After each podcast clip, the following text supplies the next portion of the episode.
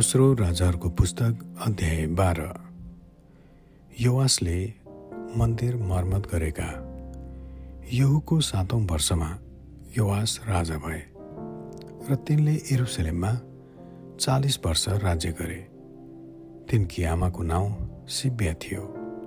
तिनी बेर्सवाकी थिइन्। एहो यादा पुजारीले तिनलाई सिकाएका सबै वर्षहरूभरि नै तिनले परमप्रभुको दृष्टिमा जे असल थियो त्यही गरे। तापनि अग्ला अग्ला ठाउँहरू तिनले हटाएनन्। मानिसहरूले त्यहाँ बलिदान चढाउने र धुप बाल्ने गरे। युवासले पुजारीहरूलाई भने परमप्रभुको मन्दिरमा पवित्र भेटीको रूपमा जनगणनामा जम्मा गरेको रकम व्यक्तिगत भाकल गरेको रकम र राज्य खुसीसँग मन्दिरमा ल्याएको रकम जम्मा गर। हरेक पुजारीले कुनै एक कोषाध्यक्षबाट रकम ल्याउन् र मन्दिरमा भएको कुनै पनि नोक्सानी मर्मत गर्नलाई त्यो प्रयोग गरियोस्।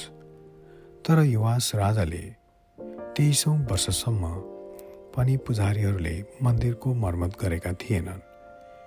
यसकारण युवास राजाले यो यादा पुजारी र अरू पुजारीहरूलाई बोलाएर भने तिमीहरूले किन मन्दिरका भत्केका ठाउँहरू मर्मत गरेका छैनौ?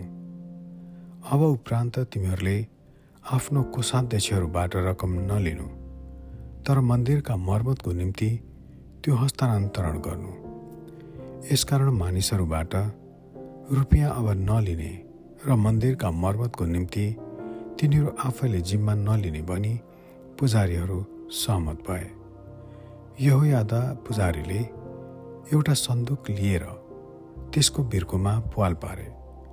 परमप्रभुको मन्दिरमा पस्ने ठाउँको दाहिनेतिर वेदीको छेउमा तिनले त्यो राखिदिए प्रवेशद्वारको रक्षा गर्ने पुजारीहरूले परमप्रभुको मन्दिरमा ल्याएका सबै रकम त्यसैमा हालिदिन्थे।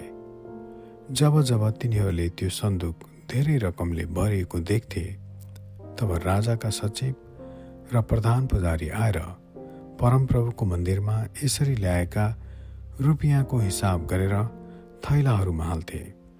तिनीहरूले रुपियाँ पैसाको हिसाब लगाएपछि परमप्रभुको मन्दिरमा काम गर्नेहरूमाथि नियुक्त भएका मानिसहरूलाई त्यो रुपियाँ पैसा दिन्थे। त्यसैबाट तिनीहरूले मन्दिरका निर्माणको काम गर्नेहरूलाई दिन्थे। अर्थात् सिकर्मीहरू डकर्मीहरू र ढुङ्गा काट्नेहरूलाई परमप्रभुको मन्दिरका मर्मतको निम्ति तिनीहरूले काठपात र काटेर मिलाएका ढुङ्गाहरू किने र मन्दिरका पुनर्निर्माणको लागि अरू सबै खर्च गरे।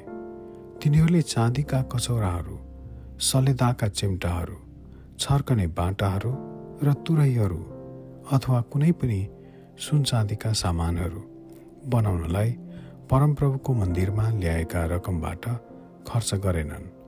त्यो चाहिँ मन्दिर मर्मत गर्न काम गर्ने मानिसहरूलाई दिइयो।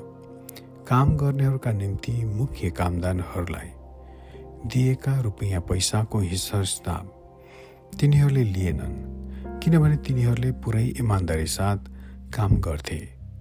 दोष बलि र पाप बलिका बेटीको रकम चाहिँ परमप्रभुको मन्दिरमा ल्याइँदैनथ्यो।